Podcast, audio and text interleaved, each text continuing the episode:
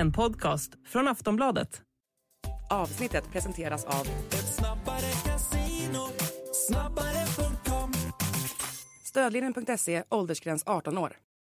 Ska vi förstatliga staten? Gabriella Vecchia. Ska vi förstatliga staten? Ja. Vilken bra fråga. Mm. Mm.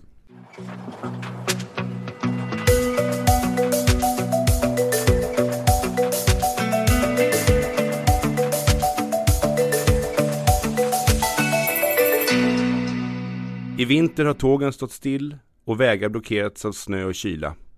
Och regeringen talar om att totalförsvaret måste byggas upp igen till hiskeliga investeringskostnader. Allt fler frågar sig var staten tog vägen. Vi kanske borde ha en, trots allt, nämligen. Och mitt i frågan om totalförsvaret, järnvägarna, vägarna, elnätet, telnätet, fängelserna och faktiskt om reggskylten som bärs till direktörens nya Tesla ska komma fram står fackförbundet Sekos medlemmar. De som ser till att de statliga åtagandena faktiskt utförs när de gör det. Idag gästas Starta pressarna, en podd med mig Daniel Suonen av Gabriella Lavecchia, förbundsordförande i fackförbundet Seko. Nu kör vi! Ja, varmt välkomna Gabriella Lavecchia, förbundsordförande för Seko, fackförbundet som organiserar väldigt många grupper på arbetsmarknaden. Varmt välkommen! Tack så mycket. Vi har också med oss Niklas Altermark, katalysmedarbetare, varit med i podden förut, välfärdsutredare, men bosatt i Malmö, så du får inte vara med så ofta som du vill. Nej, Skånefalangen är uppe på besök, det är jag glad. Eh, och eh, vi har också med oss vår återkommande eh, ekonom här, samhällspolitiska utredaren, samhällsekonomiska utredaren Max Järnek. Väl, varmt välkommen. Tack så mycket. Och eh, idag ska vi prata om statens roll, statlig styrning, statlig bestämmanderätt och hur läget ser ut. Och eh, Gabriella, du skrev ju en stor debattartikel på DN Debatt för några dagar sedan eh, med titeln Krisberedskapen kräver att staten återtar kontrollen. Och det ska vi prata om.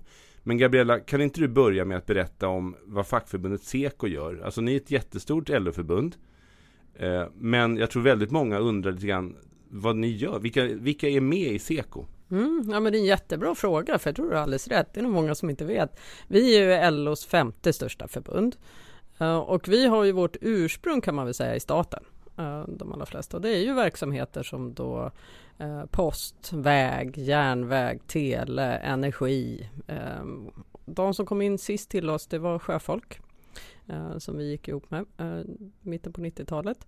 Eh, Så vi har liksom vår bakgrund i staten. Eh, Vi organiserar ju också naturligtvis då på staten med, med försvar, kriminalvård, SIS-hem, eh, annat och finns på väldigt, väldigt många myndigheter runt om i, i landet.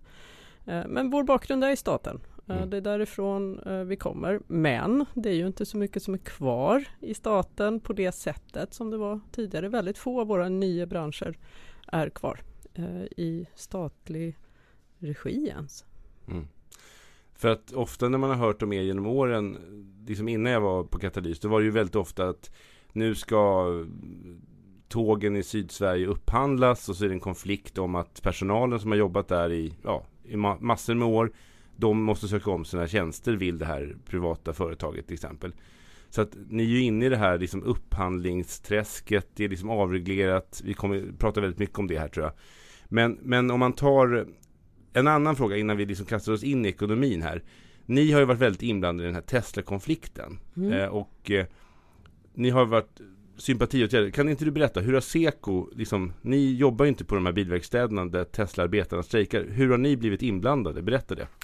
Ja, alla vi förbund tror jag på LO-sidan eh, vill ju naturligtvis ställa upp med sympatiåtgärder för att, att stötta IF Metall. Och eh, vi såg ju ganska tidigt att eh, Postnord Eh, är ju en aktör som levererar. Ehm, och det är ju inte bara, jag vet att de allra flesta kanske förknippar det med reggskyltar.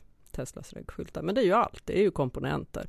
Och det är ju brev och det är pall och det, är- det är allt som går med Postnord som vi då, eh, själva godset, la i eh, blockad. Men det fick ju då den effekten att det också stoppade reggskyltarna. Och det här är ju, fick, ju, fick ju stora konsekvenser får man väl säga eh, för Tesla. Eh, men eh, man gick ju på, Tesla gick ju på både Postnord och staten faktiskt genom domstols, genom att gå till domstol. En helt för oss ovan situation där man då försökte få både Postnord och staten att, att se till att gå på deras Eh, väg. Eh, men eh, nej, det har inte funkat hittills. Vi eh, håller fortfarande eh, koll på detta. Våra medlemmar håller fortfarande koll på det, Postnord. Det är på något sätt också, det har blivit en strid om liksom själva kärnan i, i den svenska modellen. Tesla är ju ett liksom jättestort, jätterikt företag ägt av den här Elon Musk som flyger till olika planeter i universum men inte gillar fackliga rättigheter och kollektivavtal. Han vill liksom sköta det här själv. Och det du beskriver är ju det här att de, de kör verkligen så här som man har läst om i så här amerikanskt 20-30-tal liksom strejkbrytare, man tar dem till domstol, man krigar liksom. Har han mött sin överman eller kvinna här då med liksom de svenska facken som är också har pengar, också har liksom en lagstiftning, en tradition, massa medlemmar. Har man mött sin överman här tror du? Ja men det tror jag. Eh, det tror jag faktiskt. Eh, jag tror i alla fall inte att man eh, har tänkt igenom vad det skulle innebära att köra vidare som man har gjort och så kanske lite övermodigt bara kört på huvudet före. Men däremot, det är klart de har ju resurser. Och, och, som ni ser så de svarar ju ingenstans och de sätter sig inte vid förhandlingsbordet. Och de, utan de tröskar på på det här, precis som du säger, väldigt amerikanska sättet. Eh, domstolar och, och skrämsel, skulle jag säga. Ja, men samtidigt som en annan komponent här är ju att den retoriken som kommer från höger och som riktas mot den fackliga kampen, den, den är också hämtad från 30-talet. Det är inte första gången någon säger att kollektiv organisering är maffiametoder till exempel, utan det ser man supertydligt eh, liksom så. Eh, och, och det, det, är inte, alltså det är liksom inbyggt i, i, den svenska, i den svenska modellen. Det är inbyggt också institutionaliserat i det svenska samhället att, att liksom löntagarkollektivets kollektiva agerande. Det har varit ett sätt för oss att, att jämna ut maktbalansen på arbetsmarknaden. Så, så tydligen så är det enligt den här retoriken då en maffiametod att, att inte lägga sig platt för arbetsgivaren och ge arbetsgivaren det fulla maktövertagandet så att säga. Och det är ju så fullständigt absurt. Ja, det är fullständigt helt, absurt helt. att, att liksom Elon Musk är den som ska ses som en underdog ja. i det här sammanhanget. Mot, mot, mot svensk fackförening. Mot en brevbärare. Ja, det, alltså det, det är ju helt absurt ja. att det finns människor som utpekar honom som den, den eller honom, det företag, som det lilla offret i denna stora, alltså det är helt helt Ja och, och dessutom när, när det är Det här är ju liksom en demokratiskt förankrad liksom, modell som vi har. Så det handlar ju också om att Den nationella suveräniteten ska sättas åt sidan. Alltså på något sätt, man kan ju undra Tesla, tänker de också att de inte ska följa väghastighetsbegränsningarna? Alltså det här, liksom, vårt sätt att organisera arbetsmarknaden, det kanske inte alla liksom har klart för sig. Vi har inte så många lagar i Sverige om löner och villkor och så vidare. Utan väldigt mycket är reglerat i avtal. Men det är ju istället för en lag. Det är inte så att det här aldrig kommer vara reglerat. Utan nu är det reglerat på det här sättet därför att vi hade, det växte fram på det här sättet. Och det, det blir bättre så här branschvis och så. Så att liksom Sekos avtal för posten kan vara annorlunda än IF Metalls är för verkstäder. Ja men precis, och, och ska man då se någonting eh, positivt av det här så är väl ändå att vi har fått en ganska bra debatt och diskussion kring kollektivavtalet. Vad är kollektivavtalet? Eh, som ju också utpekas som något sånt där mytiskt, någon sorts unicorn som, som finns men ingen har sett. Eh, och det är ju helt galet det också, så jag är väldigt, jag är väldigt på det sättet glad över att vi har en bra diskussion om vad är den svenska modellen och vad är kollektivavtal. För kollektivavtal är ju inte ett dugg konstigare än att man vill ha ett avtal när man köper en bil eller hyr en lägenhet. Alltså alla andra tillfällen här på jorden vill vi mm. gärna, gärna ha nedskrivet vad vi är överens om och också vad som händer när vi inte är överens. Varför skulle det vara någon skillnad att man vill göra det på det här sättet?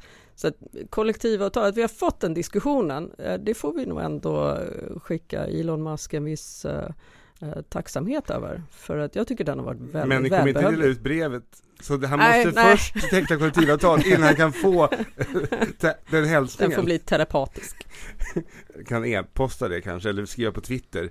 Eller X som det heter nu. Nej men jag tänkte på det, alltså, det som jag tycker är liksom det, det märkliga i det här, det är att i den här liksom berättelsen om och i praktiken då så är det ju det här är ju inte, kollektivavtalen är ju inte fackens grej. Det är väl facken som har drivit fram det en gång i tiden. Men det är också ett sätt för arbetsgivarna att liksom veta vad som gäller.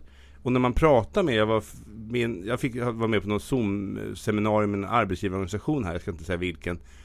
Och där var ju mellan skål och vägg. De var ju skitförbannade på Almega, tystnaden från Svenskt Näringsliv. Alltså de var, jag hade inte, alltså vi borde haft dem här, alltså de här arbetsgivarorganisationernas ordföranden. De lät ju som fackförenings eh, agitatorer kring det. Va, vad är liksom våra organisationer? Varför pratar ingen om det här?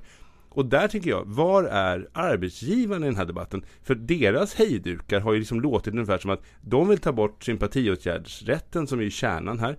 De vill kasta ut hela modellen därför att ni följer modellen. inte det väldigt märkligt? Jo men det är jättemärkligt och jag håller verkligen med dig. Det, alltså, det, jag saknar verkligen stora delar av, av arbetsgivarnas eh, organisationer i den, här, i den här frågan. För den svenska modellen bygger ju inte på eh, på någonting annat än att vi eh, på något sätt måste också vara jämbördiga parter i den här frågan. Eh, men kollektivavtal, det är en gemensam, det är en gemensam bebis. Eh, men jag tycker nog faktiskt inte att eh, arbetsgivarna ställer upp på det sätt som jag skulle önska. I alla fall inte retoriskt utåt. Det är som att fråga om är ni gifta och så svarar en ja vi är gifta och Ja, sen andra bara ja. springer ut liksom och gömmer sig och skickar fram någon som säger att skilsmässa är ett bra institut, vi borde få skilja oss lättare. Mm. Signalen är mottagen. Eh, jättebra, vi, vi, jag tycker vi ska gå till kärnan här nu. Eh, den här artikeln du skrev eh, och placerade på DN Debatt här, jag tycker den var, den var liksom, om man säger så här, vi var båda i Sälen. Man var Yes. julledig lite grann, man fick, hade äntligen kommit ner i varv efter nyår där. Och så händer det här på E22an. Och alla följer det som ett skräckdrama då liksom. Det kommer fyra centimeter snö. Eh, och, Sverige, och den här vägen kapsejsar då. Liksom, katastrof. Människor kunde faktiskt dött. Alltså människor med diabetes, människor med nyfödda barn och så vidare. Katastrof liksom. Så, apocalypse now. Och så är det då en debatt om det. Vi har pratat om det i den här podden. Eh, och så åker man till Sälen. Och så kommer den här liksom, krigsretoriken från regeringen. Och vi stod ju där, vi pratade om det här liksom där eh, efter en middag. Att det är liksom bristen på verkstad någonstans. Alltså man pratar, alltså det var någon som sa, man målar liksom upp krigshotet så att barn blir rädda. Men man gör inte det man ska. Man, man rustar inte Sverige. Och sen någon vecka senare kommer din, tycker jag, utmärkta artikel. Alltså helt enkelt, vad är det du skriver om i din DN-artikel? Ja, för det första så kan man också säga så här, jag, jag, vi var ju i Sälen på rikskonferensen och jag kan säga, man, jag blir lite lätt provocerad också, för att på något sätt så läggs allting i knät på individen. Nu ska vi alla eh, se till att ha vattendunkar i källan och, och gräva potatis ur kolonilotten liksom, eh, när kriget kommer. Men det här stora systemen då? System, och, och jag brukar säga så här, Eh, Och det är väl det som är grunden till, till eh, artikeln. Jag brukar säga, vem vill betala i fredstid för att det ska funka i, i krigstid? Alltså vi måste ju betala, vi måste rusta nu eh, för att det ska hålla för krig och kris. Och det tycker jag att, att framförallt regeringen duckar ju helt för den frågan. Eh, och ni var ju inne och pratade om det mot slutet av den här rikskonferensen och så. Jag tycker det var, var väldigt bra, men det fick ju väldigt lite utrymme. Det det handlar om är ju verkligen, och, och det här kommer ju tillbaks till att vi från, från Seko kommer från staten. Vi har ju liksom varit med från gamla monopol, från den statliga tiden eh, till nu när vi har avregleringar, vi har privatiseringar i så många led på platser som, som på, i branscher som behandlas som marknader fast det inte är en marknad. Och alla de här delarna är ju, det blir som, som Alltså det är otroligt sårbart och ingen vill se detta. Men vi har ju sett det, vi har ju sett det i decennier och det blir ju inte ett dugg bättre, det blir bara värre och värre och värre. Och då, då tyckte väl, väl jag och vi att det var rent oförskämt att lägga det i knät på den enskilde när hela samhällsstrukturen liksom, strukturen krackelerar. Och det Ja, blundar vi för. En vanlig, eh, man pratar om krig och man pratar om kris man pratar kanske om nu har vi varit, nu är vi inne i någon sorts cyberattack här där löneavdelningar liksom i hela, liksom eh, i hela offentliga Sverige och företag är liksom utslagna av någon sorts cyberattack, utpressningstrojaner liksom. Det pågår ju nu så att säga och då, då klarar vi inte en vanlig regnig tisdag i januari. Men krig då ska vi inte tala om. Och jag måste faktiskt säga det. Den, jag var ju i Sälen och jag följde debatten också innan det och så. Alltså, jag har inte varit liksom skakad egentligen. För jag vet att om det här så att säga, det ryska hotet, att vi inte haft ett starkt försvar och inte ett totalförsvar som är det centrala. Men när jag läste din artikel, som jag tycker alla ska verkligen läsa på DN Debatt, den ligger där på, på startsidan några, några dagar ner, förra fredagen, en vecka sedan, när det här känns. Alltså, då blev jag faktiskt skakad på nivå jag inte har blivit för. Liksom det här kan du berätta? Det är liksom, det är liksom, vi har inte ens folk som kan liksom bygga upp elnätet igen om det skulle bombas eller sprängas av terrorister eller någonting. Kan du berätta om, mm. det är en detaljnivå här, det är inte klokt tänkte jag. Nu, jag blev rädd på riktigt. Du, du skrämde upp mig, inte Bolin. men du skrämde upp mig. Ja, du ser. Nej men alltså det, det, det kan naturligtvis bli jättedetaljerat. Men ja, tittar men... man på bransch efter bransch efter bransch och, och, vi kan ju börja med järnvägen till exempel och, och titta på den sådär. Där, där liksom Eh, Trafikverket har inte ens koll på sin, på sin de har varken koll eller folk. Eh, de har inte res, egna resurser utan man är beroende av upphandlingar av underentreprenörer för att ens ha koll på mm. sin, sin egen. Och jag menar, då, då är det här dessutom en marknad med olika bolag som både driver eh, verksamhet men, men också som då ser till att hålla eh, järnvägen eh, någorlunda fitt. Att den funkar, att, den att tågen rullar. Eh, och, och det här är ju, det här är ju Ja, jag vet inte, det här är verkligen bästa exemplet på att man har gjort en marknad någonting som inte är en marknad. Man har tvååriga upphandlingar eh, till och med på tågtrafik. Jag menar, spåren har legat där i hundra år, förhoppningsvis ligger de i hundra år till, kanske inte exakt likadana. Men vi förväntar oss väl ändå att det ska gå tåg där. Men vi har upphandlingar som är så korta som två år och då kan man gå, liksom börja fundera på det här gör vi samtidigt som vi lägger vinstkrav på statliga bolag som, som finns. Det här ser likadant ut på bransch efter bransch. Eh, men vem ska hålla dieselloken? Vem ska hålla vagnar som klarar av att hantera, transportera det som skulle behövas i krig eller kris? Vem ser till att när, om någonting går på tok med växlar eller, eller annat, att det lagas? Mm. Ska man ringa sin underentreprenör som har i tre led, i, i tre led som, som kanske inte ens finns i Sverige? kan man säga, där finns det ju ändå en, en, en, stor del som finns i Sverige. Men tittar du på det som du var inne på, energi till exempel. Stor del av kompetensen för att klara av att reparera både människor men också komponenter finns ju inte i Sverige. Vi har ju ingen lagerverksamhet längre. Hur gör vi då? Om vi ska ringa någon som ska komma från Tyskland eh, under brinnande konflikt, krig, kris. De kan inte ens komma hit. De kanske inte ens kan komma hit. Eh, sjöfarten, en ytterligare sån, om man nu ska gå ner och titta. Hur många svenskflaggade fartyg har vi? Och det är bara dem vi har någon sorts eh, rådighet över i krig och kris. De andra är ju registrerade i Bahamas eller Manila. Eller så Bahamas och Filippinerna kommer en otroligt ja, bra förvalt, alltså, möjlighet att ha en handelsflotta i krig och krigsflotta. Ja. Och hur får vi in livsmedel då? Hur får vi in mm. livsmedel? Och, och, på vägarna som det här med E22 och så. Eh, vem bestämmer när saker och ting behöver göras när man själv då måste gå tre, eh, tre mm. stycken eh, underentreprenörer liksom ner? Alltså område efter område mm. efter område och vi är ju så dessutom, vi har slimmat, vi har skurit ner, vi har eh, ja, det är svårt, alltså det är så många detaljer i varje bransch. Liksom. ja, Nej, men jag menar, det här liksom, elnätet, alla förstår ju att det här samhället vi lever i, även om man till och med, den person som inte ens har en dator eller mobiltelefon, har ju förmodligen en brödrost eller liksom behöver liksom ha värme på elementet. Alltså helt enkelt, elen är ju helt, eh, liksom, bara för att upprätthålla det vi har idag är ju elnätet.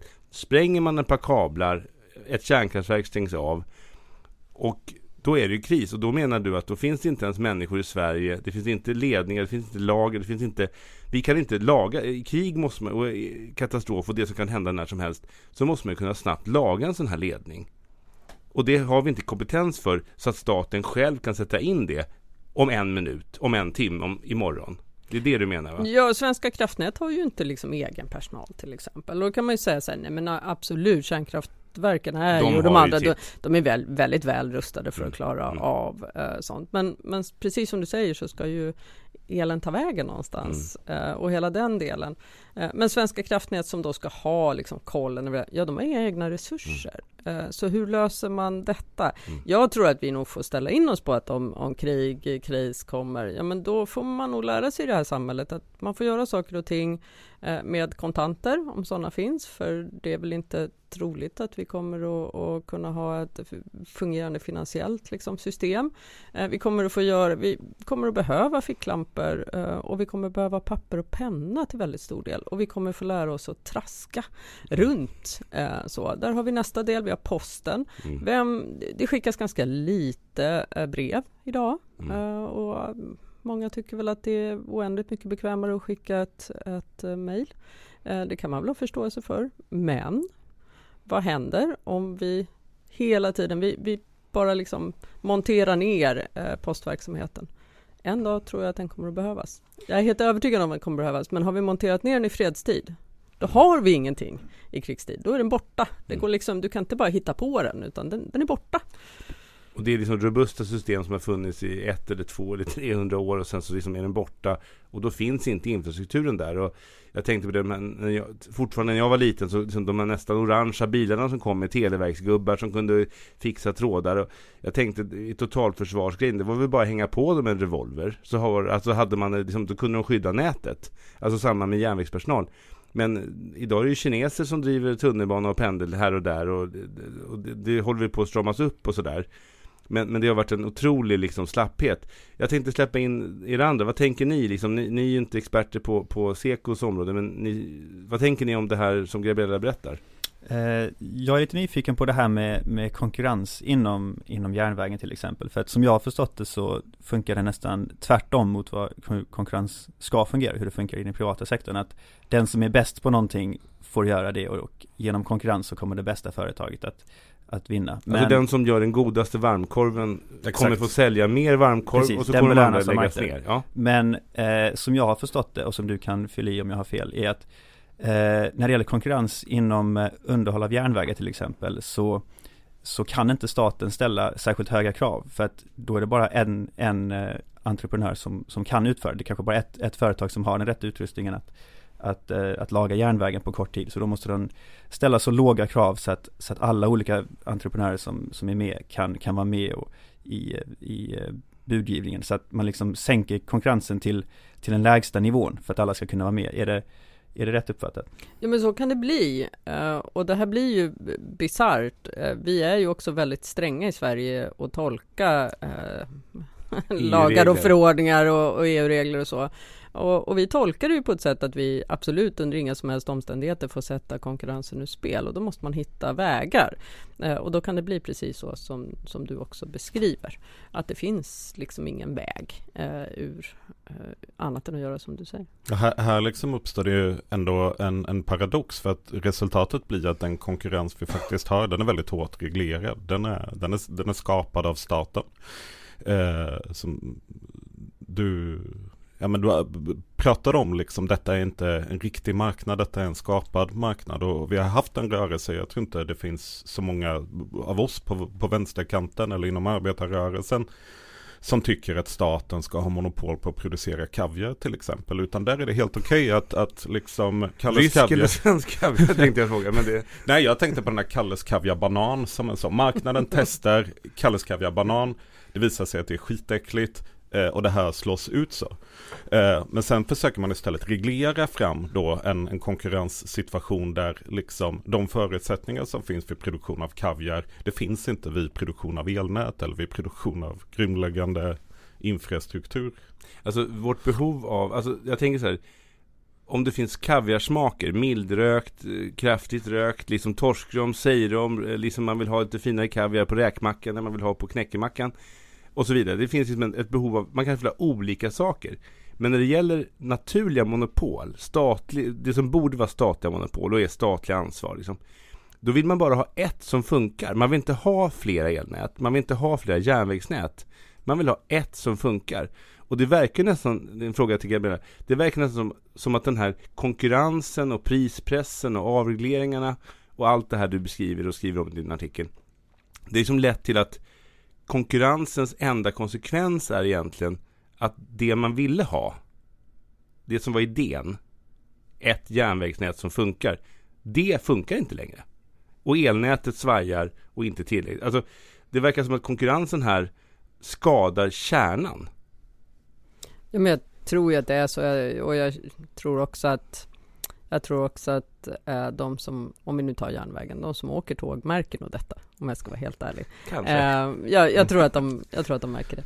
Eh, Skånefalangen som åker upp med Skickar ett bifall. Vi är förvånade att han kommer. Vad fan är du här? Du skulle ju komma idag med Du tåg. sa ju att du skulle här? komma och nu är du här. Det är, ja. Vad fan har hänt? Tog du flyget? Nej, men, Nej men och då har du ju allting från växelfel, signalfel och då ska det vara 300 entreprenörer, typ, inte alltid, men, men det händer och, och det ska skickas. Men så har du ju också olika bolag som då trafikerar järnvägen naturligtvis på väldigt korta. Vem tar ansvar för att underhålla liksom den delen och vem tar ansvar för kompetensutveckling av de som ska finnas och köra? Alltså det finns så många lager på den här löken. Eh, så börjar man skala så gråter man liksom. Det, det tänker jag ändå är Eh, Det gör man. Och jag tror, eller tror, jag vet att det är så att, att det här börjar bli synligt för så många fler än Seko nu. Eh, att det brister på område om, efter område. Och på det sättet får man väl ändå säga att ja, men det, är, det är bra med Folk och Försvar. Vi är ju medlemmar där till exempel som, som eh, organisation som ju startade, startades av, av civilsamhället. Så det, är- det är bra och viktigt att man pratar om det, men regeringen duckar ju och, och lämnar över det i knät på oss andra och säger ja, ja, det var väl lite tokigt att, att det inte funkar med järnvägen så, det får vi väl lösa på något sätt. Men du Daniel, du måste minsann se till att packa din väska och ha ordentligt liksom om, om kriget kommer. Och det här tycker jag är så otroligt, eh, ja det är så uselt. det är cyniskt nästan. Ja, det är ju det. Ja. Och man liksom, man liksom på något sätt, det var någon finne som, finsk, jag tror det var Anna-Lena Laurén som skrev en otroligt bra krönika som jag hittade i papperstidningen men tyvärr inte i DN på nätet. Men det var ju som så här, i princip att i Finland så pratar man inte om krig. Det kan ju alltid bli krig. Och oftast blir det inte det, om vi har tur. Men man pratar inte om krig, utan man rustar sig för krig. I Sverige pratar man om krig plötsligt, men man rustar sig inte för krig. Något otroligt konstigt det där. Alltså en grej som jag bara tänker på att jag satt en gång för massa år sedan i en, en kommunal nämnd i Stockholm och så hade vi en rolig moderat där som jobbade i SL. Och han var ju väldigt höger liksom. Men han berättade någon gång när vi var på någon, sån här, någon resa med nämnden där. Att ja Daniel, men du har helt fel. Det är inte nybilismen utan det är 1989 så bestämde vi på SL att sluta med underhåll. Va? Vad sa du? Jo, det var faktiskt ungefär när muren föll, sa han. Han var väldigt glad. Muren hade fallit, det är också. Demokrati är bra. Men liksom, då, då bestämde man ungefär samtidigt att sluta med det löpande underhållet på SL.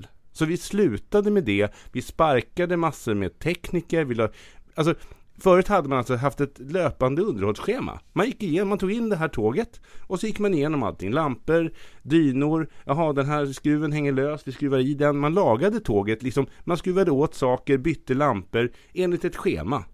Och sånt. Men vi slutade med det. Så nu får saker gå sönder. Och så felanmäls det. Och sen lagar man det när man har tid. Och det sparar ju jättemånga pengar under 15 år medan sakerna höll. Men det var ju ett enormt slitage. Så han sa, och sen var man tvungen att byta tåg som hade hållit i 50 år till efter 15 år. Mm. Och det gör ju bara den som då har fått ett 35-årig, en 35-årig upphandling. Har man fått en tvåårig upphandling eller en fyraårig upphandling så lägger jag ju inte miljoners miljoners miljoner på att hålla vagnarna eh, uppdaterade, eh, eller hur? För det, var- Då det, lagar man om det går sönder eventuellt. Ja, för jag har ju lagt en upphandling, eh, eller har ju gått, gått in i en upphandling som, som alltid är liksom lägsta kronan. Det är alltid, det är alltid kronor och ören. Eh, och här finns det ju verkligen mycket att önska när det gäller upphandlingar. Eh, om hur man skulle hur man skulle vilja lägga upp Att säkerhet finns med, att kvalitet finns med, att kompetensförsörjning. Alltså det finns ju massor av komponenter vi skulle kunna ha i, i upphandling. Men idag är det lägsta pris. Och än en gång, vi ska ju vara bäst i klassen här och säga att det är, ja, men det är en konkurrensfråga. Så att vi måste, vi måste. Och dessutom då kan man ju säga att, och då, då när vi pratar om det här, alla problemen med de här upphandlingarna, då är också grejen att, och då är det här en sak som, där syftet med verksamheten inte är att tjäna pengar. Syftet till att vi har järnväg är att transportera människor från punkt A och saker från punkt A till punkt B på ett säkert och effektivt och billigt sätt och tryggt och så. Och då blir, som vi varit inne på, och det, liksom, är- det är ju idén med järnvägen. Och liksom att elen ska flyta genom ledningarna, liksom säkert, det är idén med elnätet. Och då liksom blandar man in, liksom nästan, här får man liksom, komma ihåg att vi ändå någonstans har en socialistisk rot. Liksom. Men idén med det här var ju inte att någon, alltså det var ingen som byggde ett elnät för att tjäna pengar. Eh, och, utan tjäna pengar gör man på att då i princip vansköta nätet eller liksom sköta så lite som möjligt eller Alltså helt enkelt, själva idén är ju inte vinsten. Och jag tänker Niklas, ja Gabriella? Får jag bara säga, och Ja. dessutom så är det ju så att jag kan ju som, som individ inte välja att jag vill åka med Mälartåg och inte SJ när jag ska åka från punkt A till punkt B. Så den här valfriheten är ju en chimär. Mm. Eh, det är klart att, och, och jag tänker väl att, att valfriheten kom ju till, gissar jag, för att man tänkte att man skulle tjäna och spara pengar. Det finns ju ingen människa som tycker att det är en vettig, tror jag, eh, tanke i dagens läge när man ser hur det har blivit. Men vem tar då ansvar för att se till att det här rullas på något sätt åt rätt håll? För det måste du ju göra, för så här kan vi inte ha det. Men det ger mig inte valfrihet som individ. Det ger inte samhället bra eh, järnväg. Det ger, det, det ger ju ingenting men det, är som, är- det är som att vi tvingade att äta Kalles Kaviar Banan som är liksom så oavsett Vi om vi 35 gillar det eller inte. Ja, det är väl lite ett genomgående tema det här med just att ingen tar ansvar, att alla har sin egen lilla silo eh, som de ska bry sig om och, eh, och det är ingen som har det här helhetsansvaret längre. Nej, för en del har då mot någon aktieägare som ska ha en utdelning på att liksom det här, alltså jag tror ju personligen att det är någonstans som att vi måste återförstatliga staten. Vi måste återväcka idén om att vissa saker kan inte drivas primärt med vinstkrav. Utan de måste drivas för att det ska funka helt enkelt. Ungefär som snö, alltså det finns ju väldigt många saker som är liksom naturliga monopol. Jag, jag läste Peter Kadhammar i Aftonbladet, han skrev en otrolig text om E22an. Och den var så här, ibland får man liksom det här liksom hur man hade vägarna förut, att det var liksom, väg, liksom vägansvariga som skötte några kilometer. Och att liksom man helt enkelt, när, när saker hände så kunde man liksom, man hade egna maskiner, man hade egna medarbetare, man hade liksom, och, och det här fanns ju samma i järnvägen då, det här att Banverket som det hette då, nu är det en del av Trafikverket, de hade hundratals anställda med skovlar och liksom borstar som i princip då kunde gå ut på, på spåren och, och, och sopa på växlar, gräva bort snö.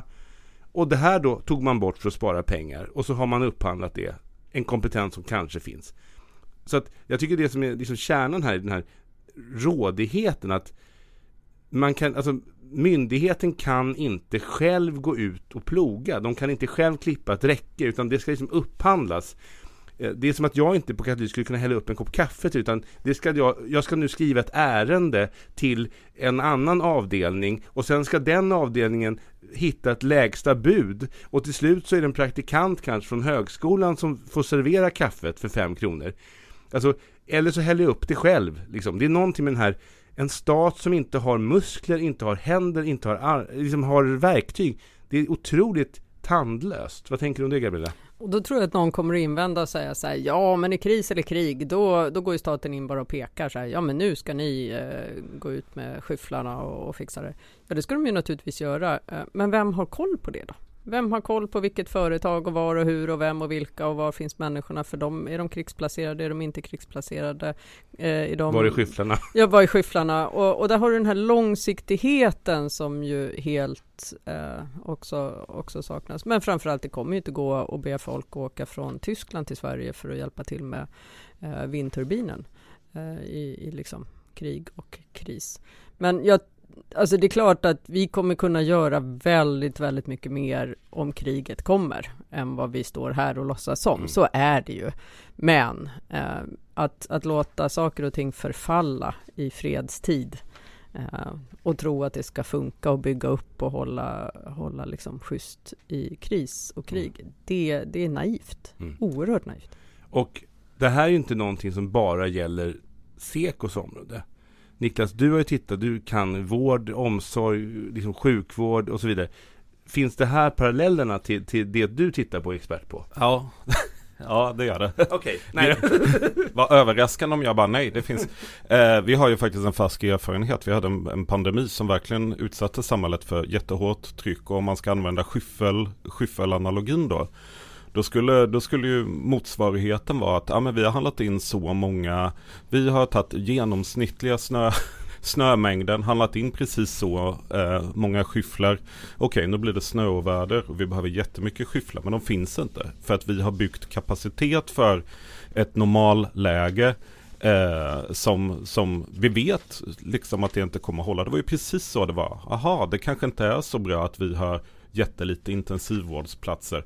Jaha, det kanske inte är superbra att äldreomsorgen är helt beroende av timanställd personal som har lägre lön, saknar utbildning, ganska dåliga arbetsvillkor och så vidare och så vidare. Det kanske inte är jättebra att vi redan innan pandemin har sjukskrivningstal som är katastrofala i, i, i liksom välfärden. Och sen är det som händer att exakt det här uppstår. Istället då för att staten kan gå in, peka med hela handen, så uppstår en helt absurd förhandlingssituation eh, mellan staten och Sveriges kommuner och regioner. Eh, som antagligen försenar att vi kommer igång med vaccineringen för att SKR vill ha ersättning för merkostnaderna som, som det här innebär.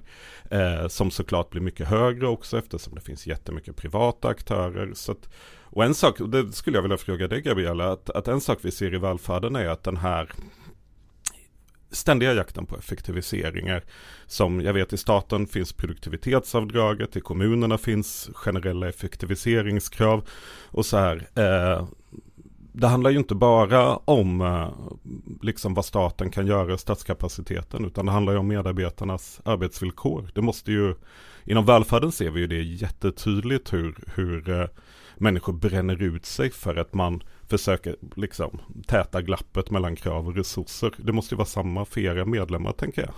Ja men så är det ju och där är vi tillbaka i upphandlingsfrågan för mm. oss till väldigt stor del också som ju är så här, ja om jag lägger upphandling på att få köra mellan sträcka A och sträcka B så lägger ju inte jag en upphandling där jag säger fast jag kommer bara köra hälften så många tåg. Utan någonstans måste jag ju spara pengarna för att jag ska vinna den här upphandlingen. Och då kommer jag ju naturligtvis vinna den på att ha hälften så mycket personal eller låta personal gå på delade turer eller låta personal eh, jobba på liksom deltid istället för alltså ofrivillig deltid. Det är ju ett väldigt mycket eh, det är ett sätt som inte syns mm. att göra det på. Mm. Men det är precis det som händer. Så ja, absolut, det går ut över den här eh, slimmade... Uh, det, det, går ut över våra medlemmar, absolut. Då får liksom, då får, alltså, det är välfärden, det är era branscher liksom. Det är som att män, man har tillåtit under 30-40 år att liksom människorna som gör jobbet får liksom vara krockkudden. Man får liksom, det är som att man, man får ta smällen för, för liksom besparingskraven. Och, och det är liksom, för mig, det är inte hållbart i längden. Nej, och nu är vi kanske inne på en mycket, mycket större fråga, men jag kan ändå säga att för en sådär 20 år sedan kanske så jobbade jag ganska mycket på förhandlingsenheter på Seko med just sådana grejer som eh, ja, det goda arbetet, arbetsrotation, arbetstidsförkortningar. Det var ju sånt vi jobbade med, det var sånt vi gjorde i 20 år sedan. Tar jag fram samma broschyrer och pamfletter idag och blåser liksom dammet av det så, så framstår de som utopiska, som fullständigt omöjliga att, att uppnå. Men då var de inte bara liksom, eh, realitet, utan vi jobbade med det här. Det är arbetstidskonton, hur ska vi lägga det, hur ska vi jobba? Och idag är det en utopi. Det här beror ju på mycket annat naturligtvis, än, än bara frågan om att man, eh, att man skär ner på det här sättet. Men det är ju en sanning. För våra medlemmar i alla fall är det en sanning. Att det här, eh, de här 20 åren, senaste 20 åren, det har rackarna mig inte gått åt rätt håll i alla fall om jag säger så. Mm. Ja, om man tänker tillbaka lite historiskt så eh, var det ju just under 90-talet, 90-talskrisen som man ändrade om det här att man tidigare hade haft en väldigt stor och stark stat, man hade haft en, en väldigt stark offentlig sektor. Eh, att det fanns ett väldigt starkt ideologiskt motstånd mot att ha en stor och stark stat. För den, den är ju de folkvalda som kontrollerar och eh, ju större staten är desto större fara blir det för eh, det privata kapitalet. Så att det fanns ju en väldigt tydlig strategi att liksom hacka upp staten och dela upp den och liksom lägga band på den att, och liksom hindra den här sortens koordination eh, som staten hade sysslat med innan. Eh, man kan ju se detta inom alla områden, dels inom, inom eh, era områden, inom järnvägen och elnät och allting. Man delade upp det i olika delar och även finanspolitiken delade man upp, skilde den från penningpolitiken så att de skulle vara helt olika. Fast som hänger ihop. Ja, precis. Man, man, man, man liksom låtsades att de inte behöver hänga ihop, de behöver inte koordinera. Eh, så att eh, i liksom 30 års tid så har man gått åt det hållet. Eh, och jag tror att man kanske nu så småningom även på högersidan börjar inse att på något sätt måste man ändå ha en, en stark stat igen. Vi träffade, Gabriel du ska komma in, men vi träffade igår en, en person som jobbar med energiproduktion. Vi ska inte säga vem och vad. Men den här personen då som själv hade en borgerlig bakgrund så att säga politiskt sa så här, ja men ska man bygga sånt här så, så måste man nog förstå att det är ingen grej för marknaden. Alltså vi måste helt enkelt återuppväcka staten. Staten måste kliva in här. Mm. Det är naturliga monopol. Ingen kommer bygga till exempel kärnkraftverk. Man kan inte ens gå till en bank. Fast det här kommer om man bygger det och om man vill bygga det och det blir lönsamt om 40 år. Det är ingen bank ens. Man kan inte gå till Handelsbanken och säga jag vill låna 100 miljarder och det blir vinst. Investeringen kommer eventuellt att bära sig om 40 till 50 år.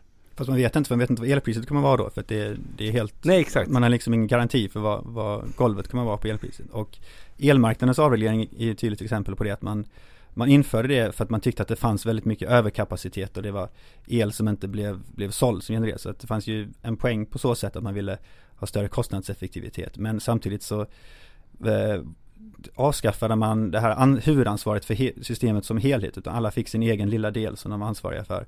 Och eh, man gav inga incitament att investera i ny energiproduktion. Så att det här liksom avregleringen var för ett, ett samhälle som redan var färdigbyggt till exempel. Att man, man, man tänkte inte på hur ska man investera i framtiden. Den, den idén eh, slutade man med. Och vem ska göra det? Och så tänker jag här liksom att elen är liksom Alltså elnäten, jag menar det som är den stora grejen på min elräkning oftast förutom förra vintern, det är ju själva nätet. Och, och då vet man att de här bolagen, en del är offentliga, de flesta är delvis eller helt privata. De tjänar enorma pengar på att krama liksom ut av, nästan som en skatt då, på att liksom, jag får el i en ledning som samhället har byggt en gång för länge sedan. Och så vet man att det är i princip inga investeringar. Så det är bara, det, de skummar liksom grädden på mjölken.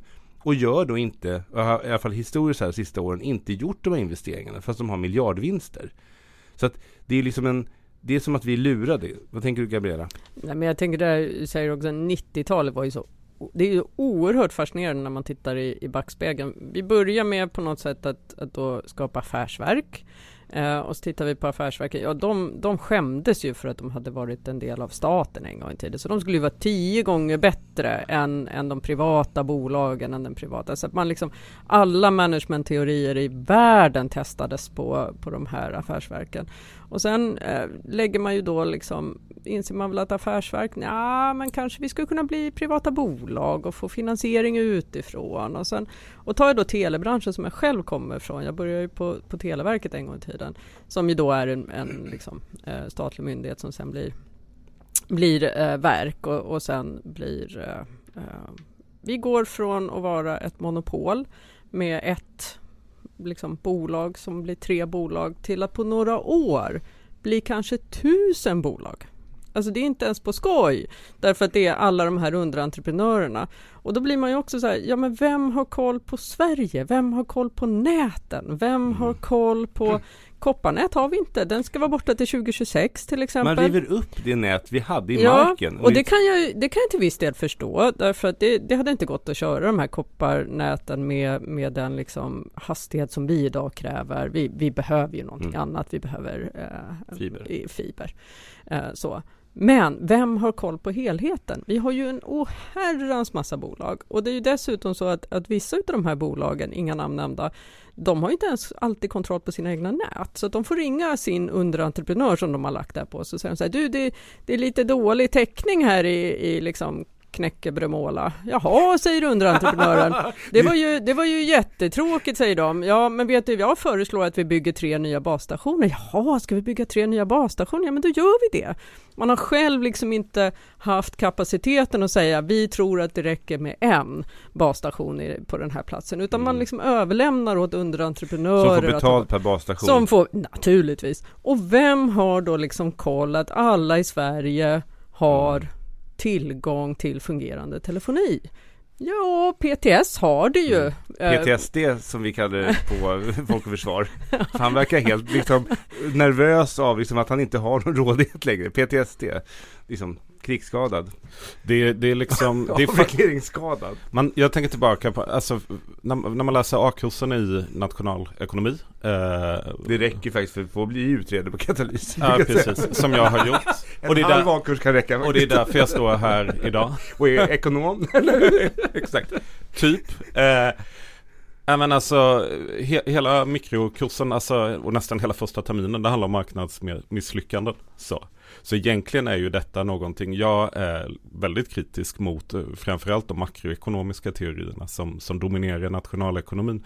Men man kan konstatera att fenomenet att det här, att, att, att det finns marknadsmisslyckanden, det är inte okänt i nationalekonomin. Och sen har ju svaret, alltså nyliberalismen handlar liksom inte om att marknaden ska göra det marknaden är bra på och sen så finns det naturliga monopol. Utan det handlar om precis det du säger Gabriel, att vi försöker skapa en artificiell konkurrens där det inte ger de vinster som, som finns med Kalles Kaviar där, där den här äckliga banankaviaren inte finns längre för att konsumenterna inte vill ha den. Så, eh, så att när man tittar tillbaka, det jag ser i 90-talet det är ju en, en, en liksom oerhört stark ideologisk övertygelse att forcera fram marknadsmekanismer inom massa områden där det inte alls funkar. Mm. Och man kan ju tänka på elmarknaden där också att eh, så som man designade den var att man utgick från eh, skolbokens eh, vision av en marknad och då har de en auktionsmarknad som sin modell.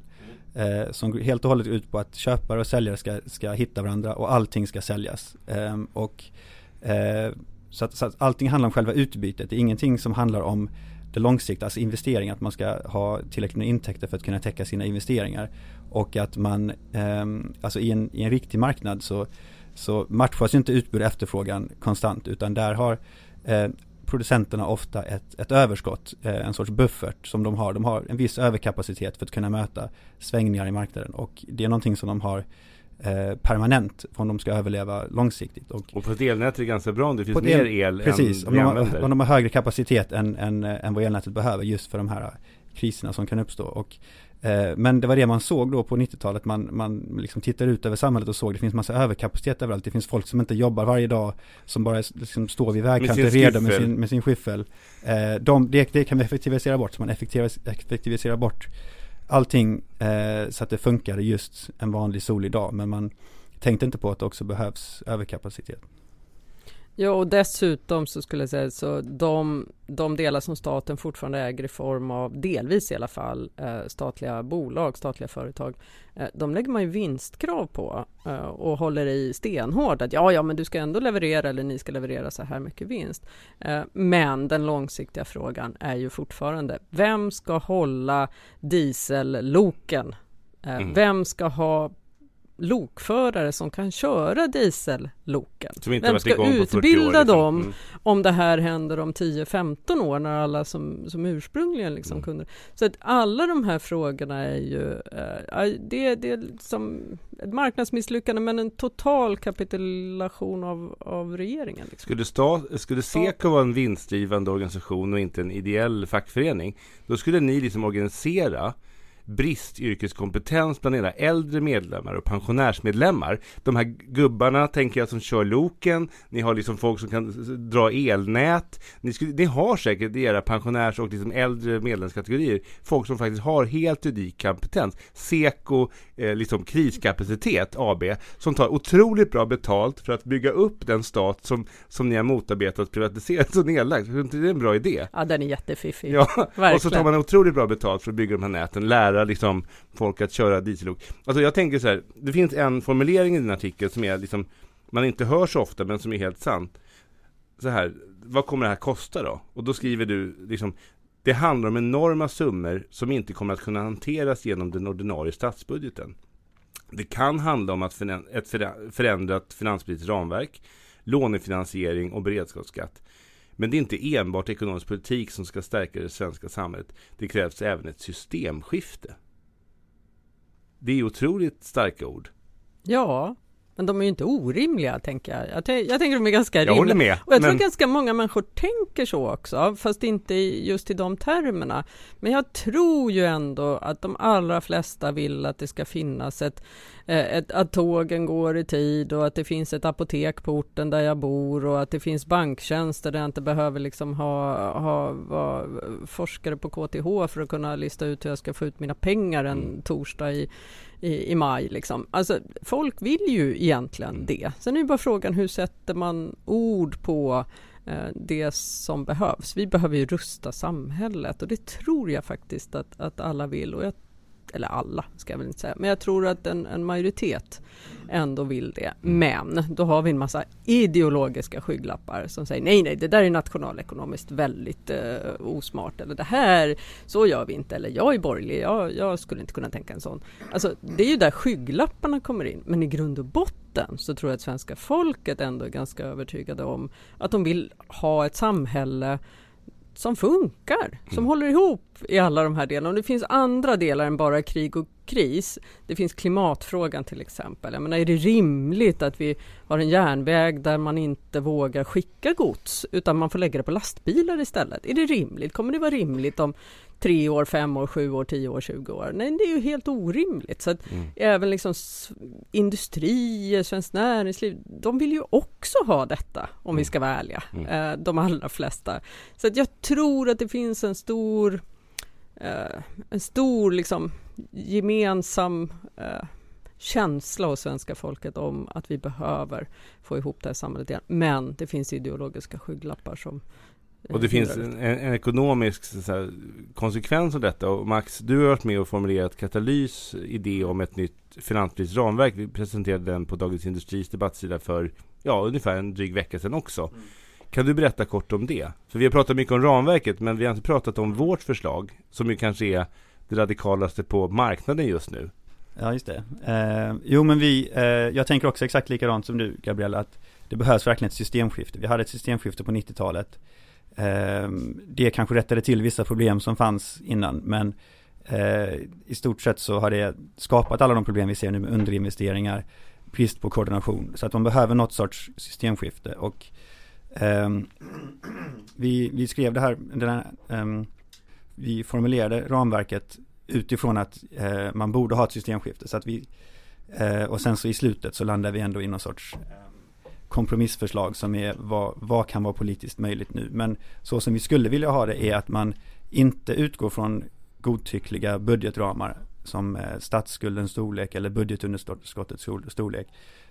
De är egentligen eh, fel ända att börja i, tycker jag. Utan jag tycker man borde börja istället i vilka verkliga tillgångar har vi? Vilka, hur mycket personal har vi? Hur, mycket, hur många människor har vi som skulle, som skulle kunna bygga bostäder, skulle kunna bygga järnväg?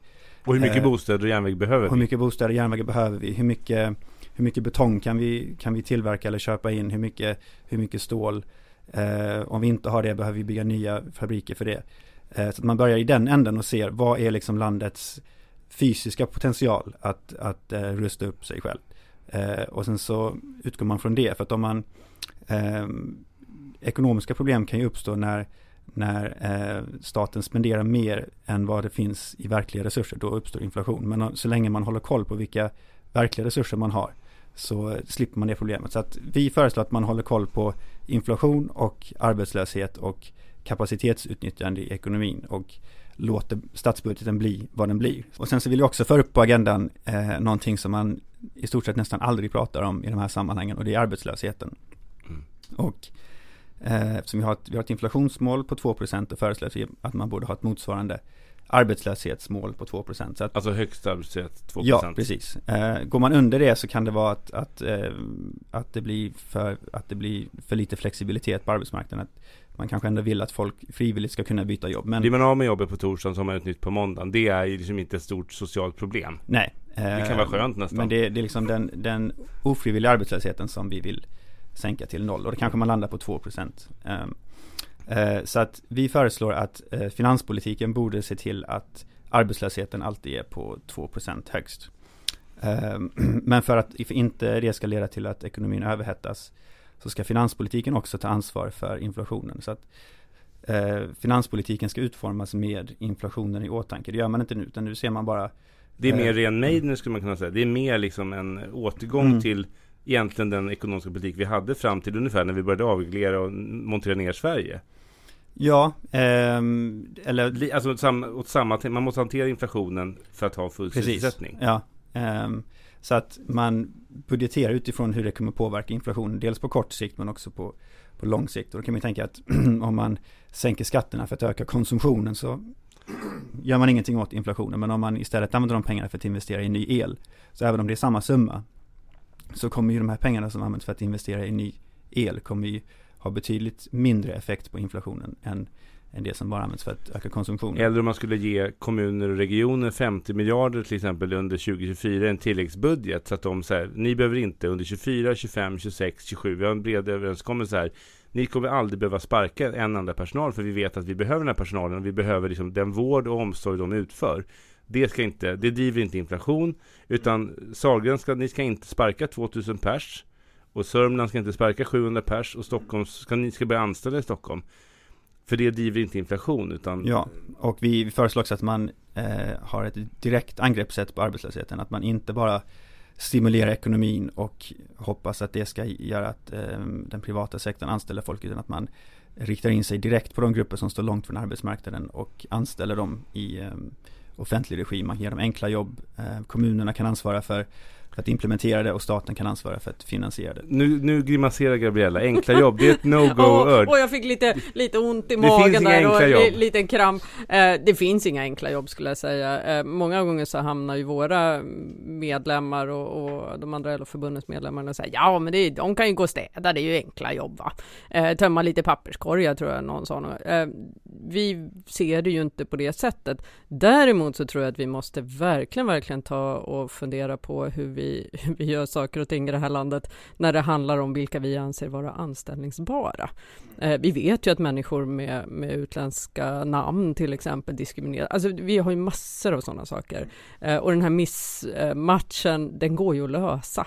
Eh, om, vi, om vi släpper sargen och, och kanske ser det. Och nu har vi ju en del, vi har etableringsjobb, vi har andra delar eh, igång och på rull. Men ja, enkla jobb, där får jag lite, lite ont i magen. Det, det, det används ju, det, det, eh, alltså enkla jobb, det används ju alltid från högern just för att säga att vi behöver, det är folk som inte har så hög produktivitet, som inte förtjänar särskilt hög lön. Så att enkla jobb måste vi ha så att, de, så att vi kan sänka lönerna. Men det jag skulle föreslå snarare är just att Instegsjobb eller någonting alltså. Ja, att man bör, eh, ja, eller eh, Alltså ett första jobb, det- att man kanske lär sig språket nästan på det här jobbet. Att man, Ja, att de är enkla på det sättet. Det kanske är att man inte, att det inte är världens högsta krav första dagen på jobbet utan att man, eh, man får göra liksom lite extra tjänster. Man, man kanske inte hänger upp hela verksamheten på den här människan utan det är någonting som, som är en, en bonus för man resten. går bredvid, man går med. Av, ja, man, men i princip. Ja, så att det viktigaste är att de kommer in på arbetsmarknaden. Alltså man problemet är väl att, att vi kallar det för helt fel sak. Alltså jag, jag har jobbat i det som folk kallar för helt enkelt. Jag jobb, jobbade i äldreomsorgen. Jag med. Eller Hemtjänst, i, i funkis, i, på gruppbostäder jobbade jag, inte i äldreomsorgen. Eh, och det kallas för ett enkelt jobb för att de formella kraven är låga. Sen så jobbar man där jämte, jämte veteraner i den här businessen.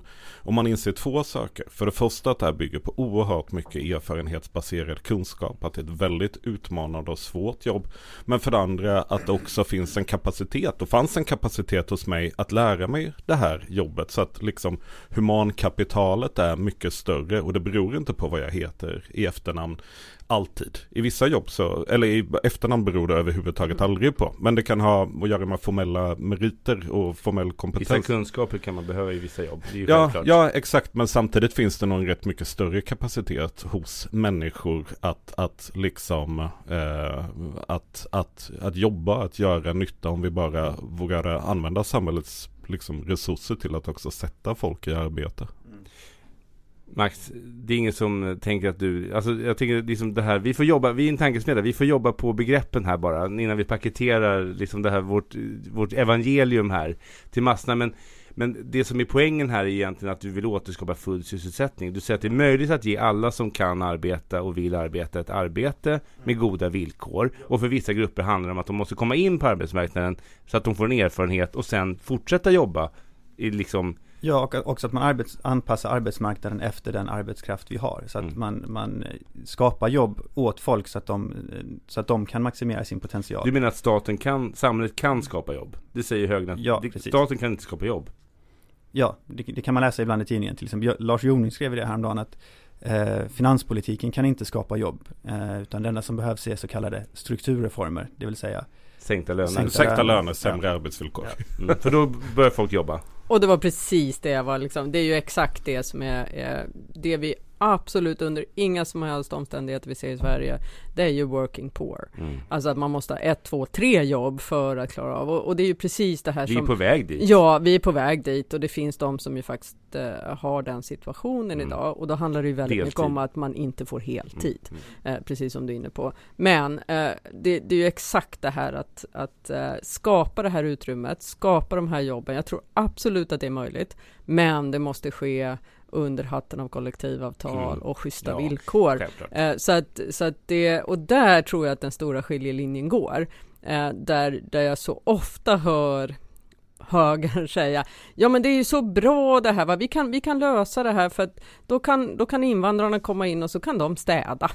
Eh, ja, men hur, hur fasen ser ni både på de som kommer hit och på yrket att vara städare? Alltså jag, blir, jag blir så ohyggligt provocerad över att det är så vi ska se på, på människor och på de yrkena.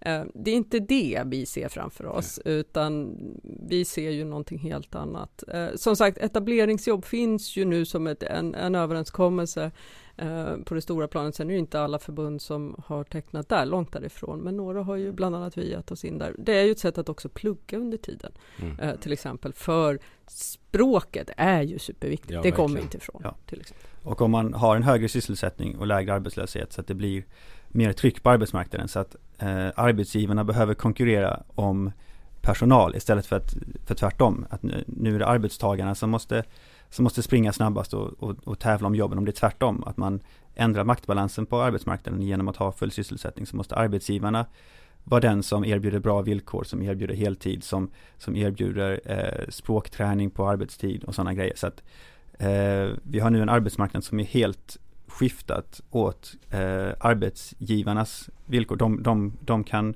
ställa vilka krav de vill för att det kommer alltid finnas en, en stor pool med, med folk Mm. som vill ha jobb. Och då tänker jag så här, två saker innan vi ska släppa iväg Gabriella, för du har ju som vi vet nu väldigt många medlemsgrupper att ta hand om. En gång när vi startade Katalys så var det någon ombudsman på Seko som började berätta hur Seko var organiserat. Och då, då såg jag snabbt ett beslut, jag kommer aldrig sätta mig in i hur Seko är organiserat, för det är så otroligt avancerat med olika, liksom, det är en väldigt avancerad struktur med klubbar längs järnvägslinjerna per bolag och så vidare. Jag är väldigt imponerad att ni själva har koll på det. Så att du har mycket att göra. Men jag tänker två saker. Det ena är så här. En respons jag har fått på vårt ramverk, det är att liksom, det pågår ju nu en jättedebatt. Alla som lyssnar på Starta pressarna vet att det pågår en jättedebatt i samhället just nu. Det har börjat sedan några månader tillbaka.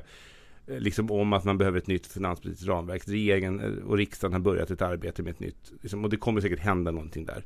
Och vårt förslag då, det som du började prata om när vi började tjata om eh, ditt ordval här. Det, det var liksom det här med liksom att vi föreslår då att man ska kunna alltså, köra enligt EUs regler. Egentligen skulle vi kunna köra enligt eh, vilka regler som helst. Men liksom, i princip då så ska inte pengar vara den trånga sektorn. Det ska inte sätta gränser. Utan, men vi skulle kunna börja med att gå från överskottsmål till ett underskott på 3% per år. Det är 180 miljarder per år ungefär. Eh, och sen så skulle man då kunna, alltså i princip om vi har behov, vilket vi har, köra upp statsskulden till EUs regelverk, då 60%. Frigör då nästan 2000 miljarder. Och då slipper man komma fram till ett helt nytt poli- finanspolitiskt ramverk. Hela den processen slipper man då, utan kan bara eh, ta det som vi redan har Egentligen då skrivit kan man på. säga ett nytt skuldankare på 60% Ja, precis. istället för 35 eller 30. Ja. Men, men så här, och då blir frågan till mig då när jag träffar till exempel på Folk och Försvar eller liksom så här. Räcker det där? Alltså då är det så här, då katalys är liksom så här, ni är alldeles för radikala säger alla då. Och politikerna är liksom vid balansmål säger liksom sossar och moderater, ja, balans, allt annat är oansvarigt. Men frågan jag får, eftersom vi tre alltså vi har ett jätteradikalt förslag då som inte är så radikalt egentligen. Det är fullt vettigt. Det är att de är oroliga att inte våra pengar räcker. Nej, de kommer inte räcka till det här. Men det är ju mycket bättre att börja där vi är. Alltså så egentligen är behoven ännu större. Och då tänker jag så här, för att skruva en fråga då. Gabriella, du är inte bara, du har, du har, du har mycket kapacitet, så du sitter även i Socialdemokraternas partistyrelse. Eh, och då tänker jag så här, vårat parti, jag är också med där, Socialdemokraterna, varför är det så trögt? Vad, vad, kommer hända nu? För jag blir lite oroad att man är liksom fast i det här att man ska låtsas ta ansvar för ett sönderfallande samhälle istället för att, ungefär som man ska skrika om kriget istället för att rusta Sverige. Och man ska ta ansvar genom att hålla Sverige i svältkur istället för att se till att vi tar ansvar genom att bygga ett starkt Sverige. Vad tänker du där? Jag tror tyvärr att det ligger väldigt mycket taktik i detta. Vi får inte framstå som slösa eh, i, eh, i, eh, när de andra framstår som spara. Vi, då, skulle vi, då skulle Socialdemokraterna framstå som eh, oansvariga. Jag tror att det ligger eh, en sån eh, taktik egentligen. Så här, vem, Eh, vem ska rösta på oss? Eh, egentligen mycket mer än det vi egentligen borde tänka på. Hur ska samhället se ut framöver? Vilka reformer behöver vi lägga? Hur lägger vi liksom mm. ut där? Utan istället så tänker vi så här, hur vinner vi nästa val? Ja, då kan inte vi stå där eh, och framstå som, som slösiga. Men det känns ju oerhört plågsamt i själen och se KD eh, rulla förbi och säga wow, vi kanske skulle lätta lite på det här eh, och öppna upp för. Alltså den, den gör ju ont i hjärtat, det får man ju verkligen säga. Så jag tycker att det är väldigt tråkigt, jag tror man skulle behöva släppa sargen här eh, och helt enkelt våga titta på vad är det för samhälle vi behöver och inte bara tänka på hur klarar vi nästa val. Jag tror att man skulle vinna på det också för mig då som, som tittar på, i och för sig studerat väldigt mycket av eh, politiken, i, alltså socialdemokratin i min forskning, men jag tror man skulle vinna på det. Det är ju faktiskt partiets historia, att bygga ett samhälle som håller ihop så. Ansvarighetspolitiken är ju ett väldigt nytt fenomen. Det var ett svar på en akut kris i ett nytt ekonomiskt läge. 1990-talskrisen alltså som man inte visste hur man skulle hantera. Det är egentligen det är en rätt kort parentes i socialdemokratins historia. Men partiets historia är ju vi bygger ett samhälle. Och det var jättebra att du la till det, för det är naturligtvis så att man måste ju vinna valet för att få mm. göra de här. Ja. Så jag, jag, är ju inte korkad på det nej, Nej, nej, nej, det, var, jättebra, nej men det var jättebra att du sa ja. det, för att eh, jag tror faktiskt att man skulle vinna på att tänka på ett annat sätt och kommunicera. Man måste ge människor hopp. Ja, och idag ger man inte Men för dina medlemmar, om socialdemokratin nu skulle säga så här, vi har landat nu, vi har gjort ett omtag, vi har kritiserat vår samhällsanalys, vi har haft problem eh, framför, och det jag tänker på, det vi har pratat om här idag, den här nyliberala avreglerade samhället. Det jag inte hör från politiskt håll, det är egentligen att man säger att socialdemokratin liksom vänder den här samhällsläget till sin fördel. Det här vi ser nu, det vi enda vi vill be om ursäkt för, för de sista 30 åren, det är att vi inte stoppade det här, att vi drev oss med det här, vi var naiva. Vi såg det inte komma. Vi drogs med i nyliberalismen, i avregleringen, vi ville spara en slant och sänka, vi accepterade det här. Nu gör vi upp med det här. Inte bara med att vi så att säga har haft en invandring som man rullar sig i jävligt mycket. Jag vet att du är besjälad, precis som vi här, att liksom, det är inte det enda problemet, det är inte ett problem liksom i Sverige egentligen. Vi måste bara sätta människor i arbete och se till att välfärden funkar. Men liksom, det vi ska ta ansvar för och be om ursäkt för, om något, det är att vi släppte fram den här avregleringseländet, skattesänkningarna, privatiseringarna, nedskärningarna. Och det gör vi upp med nu genom en helt annan politik. Så det vi skulle kunna erbjuda liksom LO-medlemmarna, det är liksom inte att säga att invandring är dåligt, utan att säga så här, vi ska bygga en miljon bostäder som folk har råd med. Vi ska se till att tågen går i tid. Om tio år ska vi ha, vara stolta över järnvägen i Sverige.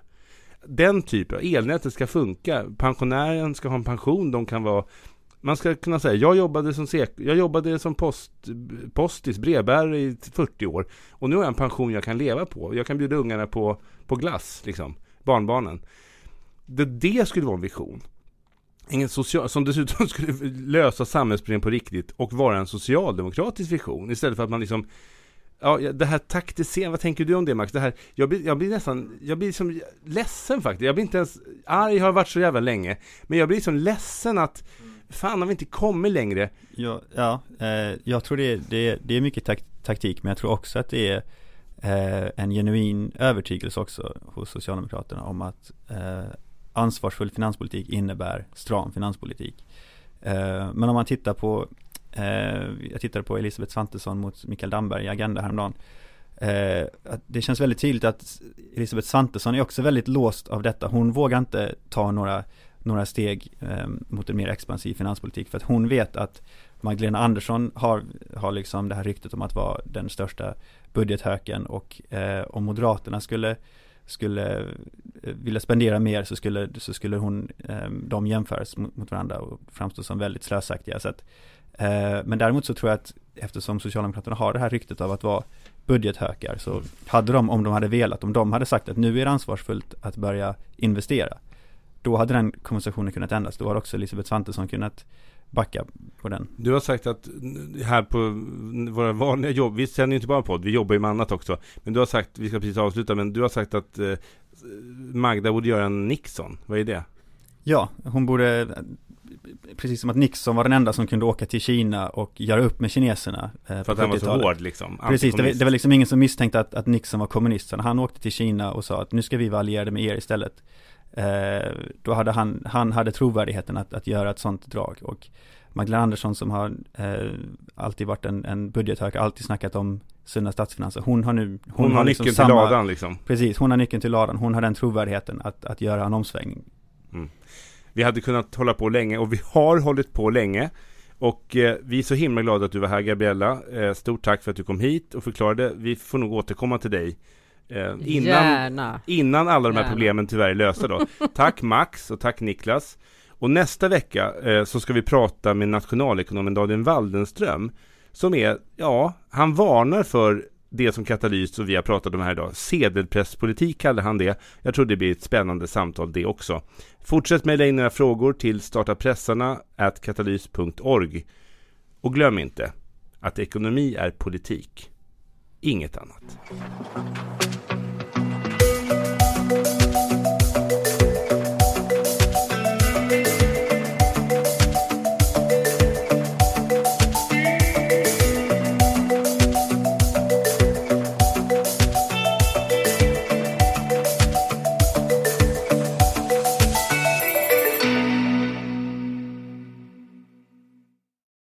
Du har lyssnat på en podcast från Aftonbladet.